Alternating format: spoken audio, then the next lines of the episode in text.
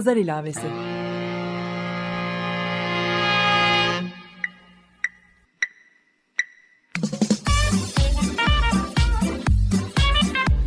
...1936'dan günümüze 80 yıllık bir zaman tüneli. Hazırlayan ve sunan Didem Özbek.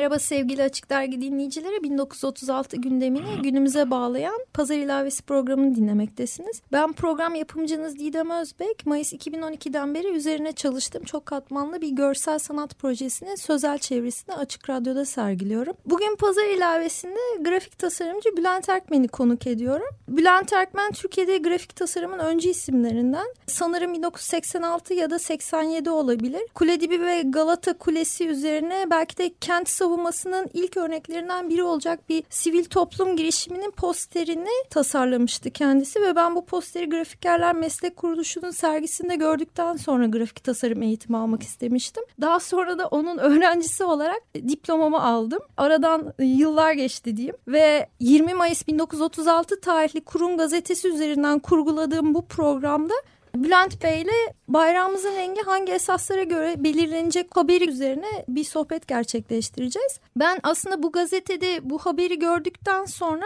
farklı bayrak tonundaki kırmızılarla bir müdahalede bulunmuştum gazetenin üzerine.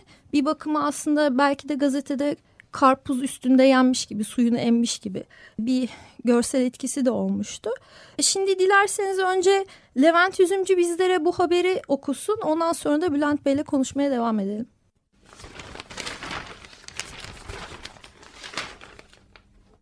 Kurun İstanbul Çarşamba 20 Mayıs 1936 Bayrağımızın rengi hangi esas üzerinden tespit edilecek? Türk bayrağının rengi hakkında birbirine zıt mütalaların yürütüldüğü şu günlerde bir muharririmiz Güzel Sanatlar Akademisi dekoratörlerinden Bay Tevhid ile görüşmüş, fikirlerini sormuştur. Bay Tevhid, muharririmize şunları söylemiştir. Bence Türk bayrağının rengi Fransızların Ruj Türk dedikleri renktir. Bazı bayraklar tam kırmızı değildir. Bu renkler beyaz fon üzerinde iyi duruyor. Fakat havada parlaklığını kaybediyor. Rengin tam kırmızı olabilmesi için vişne rengi ile turuncunun arası bir ton olmalıdır. Bu da 31 numara taşıyan kırmızı renktir. Bu esas kabul edildikten sonra Türk bayrağının rengi tespit edilmiş olur. Kırmızı renkler 27 numaradan başlar. Fakat hepsi aynı fonda olmadığından renk değişikliği devam eder. Kırmızı renkler muhtelif boyaların karışmasıyla olmaz. O başlı başına bir renktir. Bazı bayraklar turuncu renktedir. Bu kırmızı renkle az miktarda sarı rengin karıştırılmasıyla yapılır ki kırmızının hakiki kıymeti değiştirilmiş olur.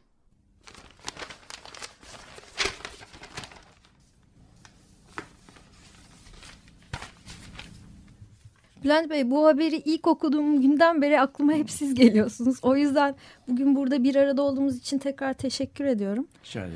Cumhuriyet henüz 12-13 yaşlarında diyelim. Mayıs 1936'da haber olmuş. Zaten bir hafta sonra da Türk bayrağının rengine karar verilmiş resmen. Ve o dönemde işin uzmanına danışılıyor ve Bay Tevfik her ikimizin de aslında yolunun geçtiği Güzel Sanatlar Akademisi, bugünkü Mimar Sinan Üniversitesi'nin uzmanlarından diyeyim fikir beyanında bulunuyor. Benim bu projeye başladığım Nisan 2012 işte Mayıs dönemi diyeyim. İlginç bir şekilde Türk lirasının tipografik elemanı üstüne bir yarışma düzenlenmiş ve bu yarışmayı bir jeolog kazanmıştı. Yani benim aslında hep bu zamanın tekrarı üstünden vurguladığım konu işte Cumhuriyet'in ilk dönemlerinde bayrağın rengi belirlenirken daha ileriki dönemlerinde Türk lirası için bir işaret belirleniyor. Ama o geçen dönem zarfında artık bir sürü tasarımcı bu ülkede yetişmiş. Biz tabii ki doktor değiliz hani illa e, o kadar e, büyük belki uzmanlık gerekmiyor. Bugünün bilgisayar teknolojisinde dikkate alırsak ama neden biz tasarımcılara değil de bir jeoloğa düştü bu işareti tasarlamak? O konuyu size sormak istiyorum. Ne düşünüyorsunuz? Şimdi o tarihlerde size bir şey okumak istiyorum. O tarihlerde bana bu işaretin seçilmesiyle ilgili sorular sormuşlardı. Onlara şunu yazdım, onu okumak istiyorum. Diyorum ki bu çalışma T ve L harflerinin birbirleriyle olan ilişkisinden her tür kullanıma uygun bir işaret oluşturmayı kapsıyor. Yani problemin tarifi çok net. Sınırları çok dar, beklentileri çok sınırlı. Hata yapmamak için çok iyi bir imkan var. Ama bu imkan iyi kullanılmamış. Güvenli liman ve çıpa gibi arka anlamlar yüklenmiş ki bu onların açıklamalarında yer alan şey. L harfi çıpalaştırılmış ve ortaya çıkan sonuç ne çıpa olmuş ne de L. Bu işaretin en büyük sorunu T ve L harflerinin kendi içindeki ilişkisinin yeterince iyi kurgulanmamış e, olması. Bu işaretin günlük kullanımdaki elle yazılışında ortaya çıkanın E harfi yerine yani euro işaretine tehlikeli bir şekilde benzeyişi. Şimdi grafik tasarımda açık yarışmalarla nitelikli sonuçların alınabileceğine inanmıyorum. Bu yolla sonuç alınmamış ya da sonucu kötü olan o kadar çok örnek var ki Örneğin 4-5 yıl önce iki yarışma jürisi oldum. Bir tanesi TÜSİAD, diğeri Türk Petrol.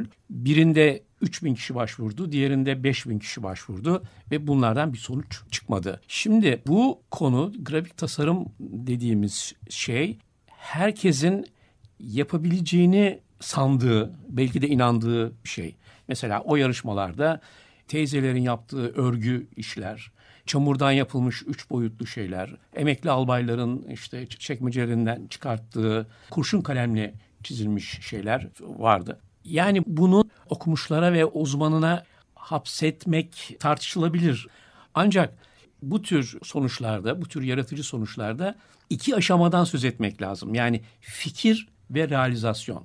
Yani bir emekli albay parlak bir fikir bulabilir. Ama o parlak fikrin kullanılabilir hale gelmesi, kabul edilebilir bir form oluşturması uzmanından geçmesi gereken bir şey. Teorik olarak jeoloğa karşı değilim. O, o da bir parlak fikir bulabilir ama bunu gerçekleştiren, bunu form haline getiren, bir formun yaşadığı hayatı boyunca karşılaşacağı her şeye karşı dayanıklı olabilmesini sağlayan, onu bununla donatan kişi bu konunun uzmanı olan, bu konuyu meslek edinmiş bir e, kişi olmalıdır. Bu tip yarışmalarda büyük para ödülleri oluyor ve aslında insanlar çoğu zaman herhalde meraklıları diyeyim bu para ödüllerini de takip edip de bu yarışmalara girme cesareti gösterebiliyorlar ama ben diplomalı bir tasarımcı olarak böyle bir yarışmanın olduğundan bile haberdar değildim. Hani düşündüm bu ne zaman duyurulmuş, ne zaman 2000 kişi başvurmuş. Kendi adıma yaptığım bir öz eleştiriydi. Bu kadar mı uzağım konuya diye. Evet ve özellikle Türk Petrol yarışması sonucunda bir sonuç alınamayınca ve bu ilan edilince çok ciddi eleştiri aldık, aldım ve bu ödül olarak konan paraları bizden kaçırdınız ifadesiyle karşılığını buldu bu doğru logonun olmamış olmasına bağlı olarak seçilmemiş olması. Gene bu kurumsal kimlik üzerinden konuşursak eğer aslında siz Türkiye'de birçok tasarımcının hani gerçekleştirmek isteyeceği işleri de gerçekleştirmiş kişisiniz diyeceğim. O anlamda sizin bu İstanbul Büyükşehir Belediyesi adına yaptığınız yönlendirme tabelaları ki daha sonra ben kendi sanat işimde de bunu yönlendirme orientation olarak yorumladım. Onun dışında işte Beyoğlu Belediyesi adına yaptığınız kurumsal kimlik çalışması var benim tesadüf eseri gördüm sanırım Cumhurbaşkanlığı için de Abdullah Gül ee, döneminde ee, bir çalışma yaptınız mı? Cumhurbaşkanlığı yayınları için bir grup bir 5-6 tane kitap yaptım. Hı hı. Sizi sonuçta buluyorlar. Siz onların evet. kapısını çalmıyorsunuz. Evet, Çünkü evet. işinizi de iyi yaptığınızı ben şahsen evet, düşünüyorum. Evet. Dolayısıyla hani bu tecrübeler içerisinde diyeceğim hani bir resmi kurumla da çalıştığınızda gene Türkiye'nin kurum kimliğine dönersek 1936'dan bugüne sürekli işte gazeteyi açtığımızda işte ehliyet tasarımı değişecek, nüfus cüzdanı değişecek. Bunlar bir türlü değişemiyor. Ben de bekliyorum hani yenilemek için. Pasaport değişti şimdi yeniden değişiyor ya da para tasarımı mesela işte paraların sıfırları atıldı vesaire. Bugünkü bu ülkenin kurum kimliği sizce günlük hayatımızın ya da ülkenin gerçeğini e, yansıtıyor mu? Şimdi yani kullanılan sözcüğün içinde kurum kimliği sözcüğü var. O halde bir kurumun kimliğinden söz edebiliriz. Şimdi ülke kimliği dediğimiz zaman başka bir anlayış için içine girer. Yani onun için mesela ulusal kurum kimliği ifadesi, sorunuzdaki ulusal kurum kimliği ifadesi ne açmak lazım? Bir örnekle açalım onu. 5-6 yıl önce Dışişleri Bakanlığı'ndan bir çağrı aldım. Dışişleri Bakanlığı'nın kurum kimliğini yapmak üzere. Ankara'ya gittim. İşte ilgili yetkili kişilerle bir masaya oturduk. Ve onlara ben şunu anlatmaya çalıştım. Örneklerle anlatmaya çalıştım. Dışişleri Bakanlığı'nın kurum kimliği olmaz. Hükümetin kurumlu kimliği olur. Yani örnekler de gösterdim. Yani Türkiye'deki örnekler Çalışma Bakanlığı'nın başka bir kimliğe benzer bir şeysi var. İşte dışlarının başka var vesairenin başka var. Oysa özellikle Almanya ve İngiltere örnekleri çok iyidir. Kısmen Fransa iyidir.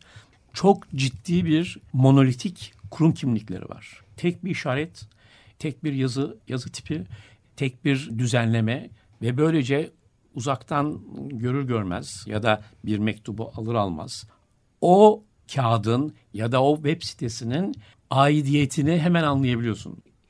Bu böyle bir şey ve onları inandırdığımı zannetmiştim. O zamanlar AKP'nin en güçlü olduğu bir dönemdi. Başbakanınıza ikna edin.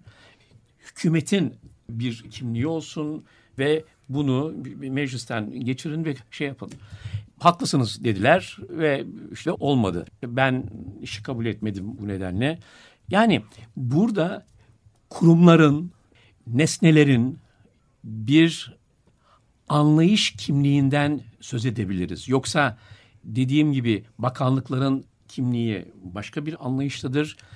Pasaport kimliği başka bir anlayışta olmalıdır.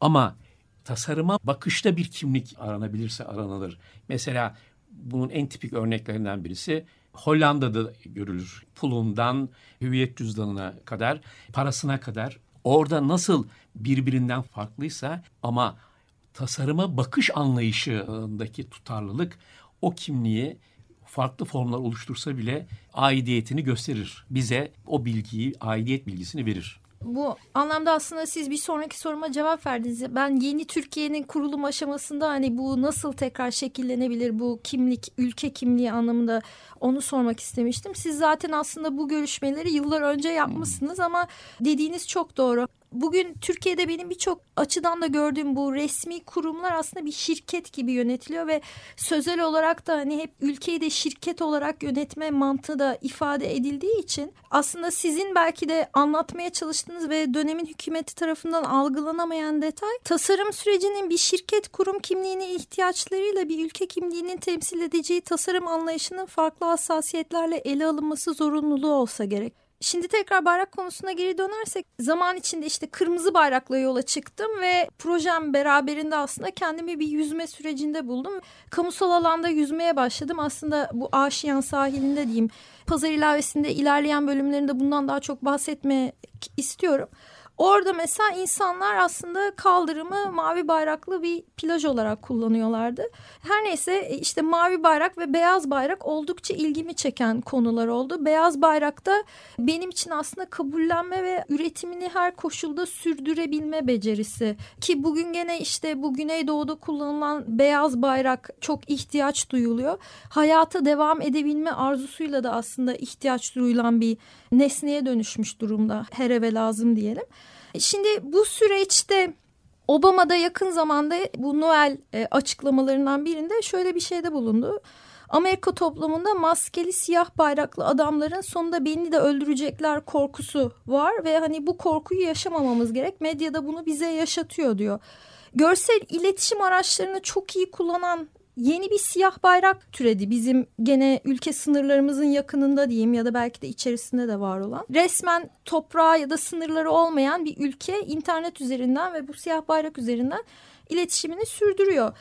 Bu bir bakıma hani Darth Vader misali bu siyahın da aslında insanların içerisinde yarattığı karamsarlık ya da korku. O güç üstünden ne konuşabiliriz? Gene bir aslında bir ülke kimliğinden bahsediyoruz. Kırmızı bayrak, mavi bayrak, beyaz bayrak, siyah bayrak siyah bayrağa geçmeden evvel kırmızı bayraktan başlayalım. 8-9 yıl önce İstanbul Belediyesi'ne İstanbul'un cadde ve sokak adı ile kapı numarası tabelaları için kentsel bildirişim tasarımı yaptım. İşte uygulandı vesaire. Bir gün kapımı Metin Erksan çaldı. Eskiden tanışırız. Geldi işte methetti. tebrik ederim dedi kırmızı yaptığın için dedi. Ben bu konuda bir yazı yazmıştım Cumhuriyet Gazetesi'ne dedi ve sonra bana yazıyı gönderdi. Yazının ismi Kırmızı ve Beyaz. Aslında işte kırmızının nasıl dökülen Türk kanı olduğu, mavinin nasıl düşmanı olduğu, belli bir kesim Yunan'la özdeşleştirdiği için işte Yunan mavisi olduğu üzerine bir yazı. Hatta bir yerinde diyor ki tüm yurtta diyor Metin Aksan yazısında kırmızı taban rengi üstüne okunaklı beyaz harfler yazılı sokak göstergelerinin yani tabelalarının taban rengi mavi oldu. Yani kırmızı iken mavi oldu. Üstelik yetkin bir dikdörtgen olan kırmızı renk tabanlı emaye sokak tabelaları ince saçtan kesilmiş, üstünde okunaksız beyaz harfler yazılı, biçimsiz ve estetiği bozuk mavi bir dikdörtgene dönüştüler. Şimdi onun üzerine ona şu mektubu yazdım. Sevgili Metin Bey, kırmızı beyaz yazınızı okudum. Tabela bölümünü de okudum. Her zamanki gibi size özgü her şey fazlaca var. Gönderdiğiniz için teşekkür ederim. Ancak bu İstanbul tabelalarındaki kırmızının savaşla, kanla, Türklükle ve bayrakla hiçbir ilgisi yok. Bu kırmızı ısısı olan, görünür olan, geçmişi olan, hep oradaymış gibi olan, başına geleceklere karşı dayanıklı, kırmızının o çok tüketilmiş halinden uzak durmaya çalışan, görmüş geçirmiş bir renk. Bu kırmızı sağlam, olgun, doygun, dolgun, ciddi duran ama cilvesi de olan, kendini teşhir eden ama terslenirim korkusuyla çıkma teklif edemeyeceğiniz bir renk. Bu kırmızı şehirli bir renk Metin Bey. Tıpkı İstanbul gibi. İlginize tekrar teşekkür ederim deyip bitirdiğim bir cevap. Şimdi ben renklere bu tür anlamlar vermekten ürkerim. Doğru da bulmam. Çünkü verdiğiniz anlam o renge yüklediğiniz kişinin, kişilerin, toplumların, o toplumların referanslarına bağlı bir şey. Bir örnek daha vereyim. Yıllar önce Aradevento Mimarlık Dergisi'nin kapağına bir obje yaptım. Konusu milliyetçilikti. Kırmızı ve beyaz bezleri birbirine doladım ve koydum. Bundan sonraki seneler işlerimi gösterdiğim her konferansta bu nedir dediğim zaman herkes Türk bayrağı dedi. Yani milliyetçilik algısı nesnelerin kendinde değildir. Bakanın zihniyle ilgili bir şey. Onu bir Fransız'a gösterseydim muhtemelen başka bir şey söyleyecekti. Gelelim IŞİD bayrağına. Terör kimliği diye bir kitap getirdim. Burada El-Kaide'nin ve ona bağlı gruplar diye bu kitabın yapıldığı dönem bir iki sene öncesinin e, gözüken IŞİD bayrakları var. Burada her iki bayrakta da görüldüğü gibi aslında bir şahadet kelimesinin işte Allah'tan başka Tanrı yoktur, Muhammed onun habercisidir sözünün yazılmış halleri onları bayraklaştırmış. IŞİD'in bayrağında ilginç şey bu yazı neredeyse bir duvar yazısı gibi. Yani birdenbire yazıp çıkmışsınız gibi. Bir protest bir yürüyüşte pankarta elinizle yazılmış çıkmışsınız gibi e, yapılmış. El-Kaide'nin daha düzenli, daha tasarlanmış gibi duran yazısına rağmen. Düşündüğümüz zaman evet böyle bir siyah meselesi var açıkçası. Ama bu geçmişten gelen mesela korsan bayrakları da siyah beyazdır. Ama renkler öyle bir şey ki mesela siyah renk kibirli bir duruşu da simgeler. Bir asiliği de simgeler.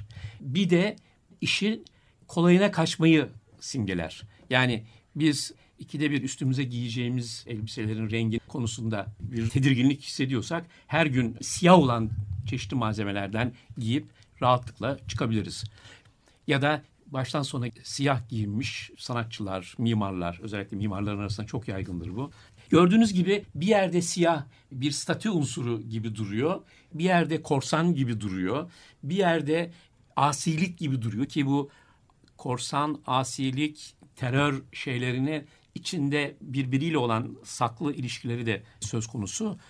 Ama biz bilinen varsaydığımız referanslarla formlar oluşturuyoruz. o formların içini nasıl doldurursak o onun anlamını üzerinde taşır. Yoksa form tek başına, siyah tek başına kabuktur bunlar. Bunun içini nasıl dolduracağımızla ilgili bir şey. Yani işit terörü, El-Kaide terörü ne bağladığımız için ve birlikte ilişkilendirdiğimiz için, birlikte gördüğümüz için siyahı biz buna atfediyoruz. Yani siyahın bir günahı yok, kırmızının da bir günahı yok. Yani biz o günahları, onun kendi günahlarını sakladığı için, onun altında kaldığı için biz o siyaha atfediyoruz bu anlamları. Gene aslında bu algı üzerinden de bayrakların birbirine tekrarı, e, bu işitin bayrağı da hani renk konusu işte o rengi diyelim ki yeşil olarak yapsak Suudi Arabistan bayrağı olarak Al-Kaide'nin bayrağı zaten direkt ona benziyor. Özellikle üstünde yazanları okumayı bilmiyorsan direkt din referanslı. Belki de hani hoş geldiniz çocuklar da yazıyor olabilir. Ama Arapçanın birçok kişiye verdiği direkt ne yazarsa yazsın dini bir referans olduğu algısı da insanlarda dediğiniz gibi o endişeyi ya da o yakınlığı yaratıyor diye düşünüyorum. Yakın zamanda gene bayraklarla ilgili bir haber daha vardı. Yeni Zelanda hani Türkiye'ye çok uzak bir ülke ama kolonyal bağlarını kopartmak adına diyelim. Bayrağındaki işte bu Union Jack'i çıkartıp yeni bir tasarım kullanmaya karar vermişti ve bir yarışma oldu anladığım. Ve oradan işte 5 seçenekten artık 2 şeye düşmüşler. Ve 2016'da sanırım bir referandum olacak. Union Jack yerine artık bir e, eğrelti otu kullanmak istiyorlar. Benzer elemanlar gene duruyor ama burada da benim ilgimi çeken mesela gene hani Türkiye'deki o işte ülke temsiliyetindeki karar verme mekanizmalarının nasıl çalıştığına bakarsak burada işte önden bir yarışma oluyor. Seçenekler ikiye düşürülüyor ve 2016'da bir referandum yapılacağı duyuruluyor ve o iki seçenek üzerinden halk karar verecek. Eski bayrakla mı devam edelim, yeni bayrakla mı? Halkın buradaki görüşü sizce nasıl olur? Şimdi burada farklı bir durum var yalnız. Şu olsaydı yarışmaya katılan yarışmacılardan 5 tane 10 tane seçilip bu yeni bayrak hangisi olsun denseydi bunu tartışırdık. Bayrak işi işte uzmanlık işidir vesaire derdik. Ama burada uzmanların meslekten insanların seçtiği bir bayrakla eski bayrak yarışıyor. Aslında buradaki tercih siyasi bir tercih. Yani Union Jack'li bayrak devam etsin mi? Yani eski bayrak, kolonyal durum, duruş devam etsin mi? Bayrak üzerinde simgesi kalsın mı? Yoksa bundan kurtulalım mı? Bu çok siyasi bir duruş. Onun için bu örnekte halka gidilmesi son derece doğal.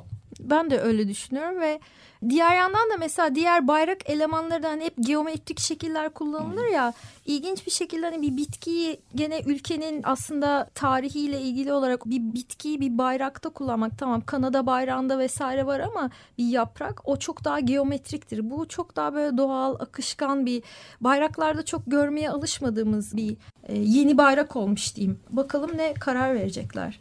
Bülent Bey çok teşekkür ediyorum. Ben teşekkür ederim. Programıma katıldığınız için. Pazar ilavesinin içeriğiyle ilgili bilgileri Pazar ilavesi Twitter ve Pazar ilavesi blogspot.com adreslerinden takip edebilirsiniz. Geçmiş bölümleri ise açıkradyo.com.tr'den dinleyebilirsiniz. Ben Didem Özbek. Herkese pes etmeden üreticiyi, enerjik ve sağlık dolu günler diliyorum. Haftaya görüşmek üzere.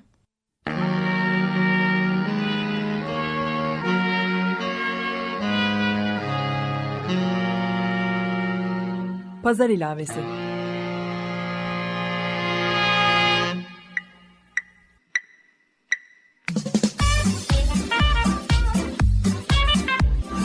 ...1936'dan günümüze 80 yıllık bir zaman tüneli. Hazırlayan ve sunan Didem Özbek.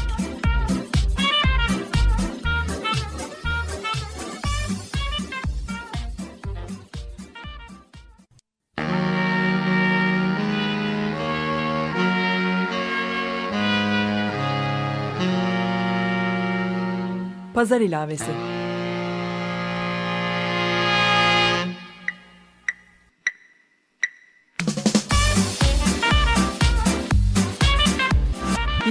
...1936'dan günümüze 80 yıllık bir zaman tüneli. Hazırlayan ve sunan Didem Özbek.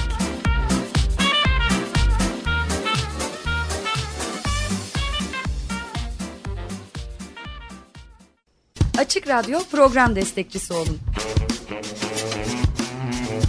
Bir veya daha fazla programa destek olmak için 212 alan koduyla 343 41 41.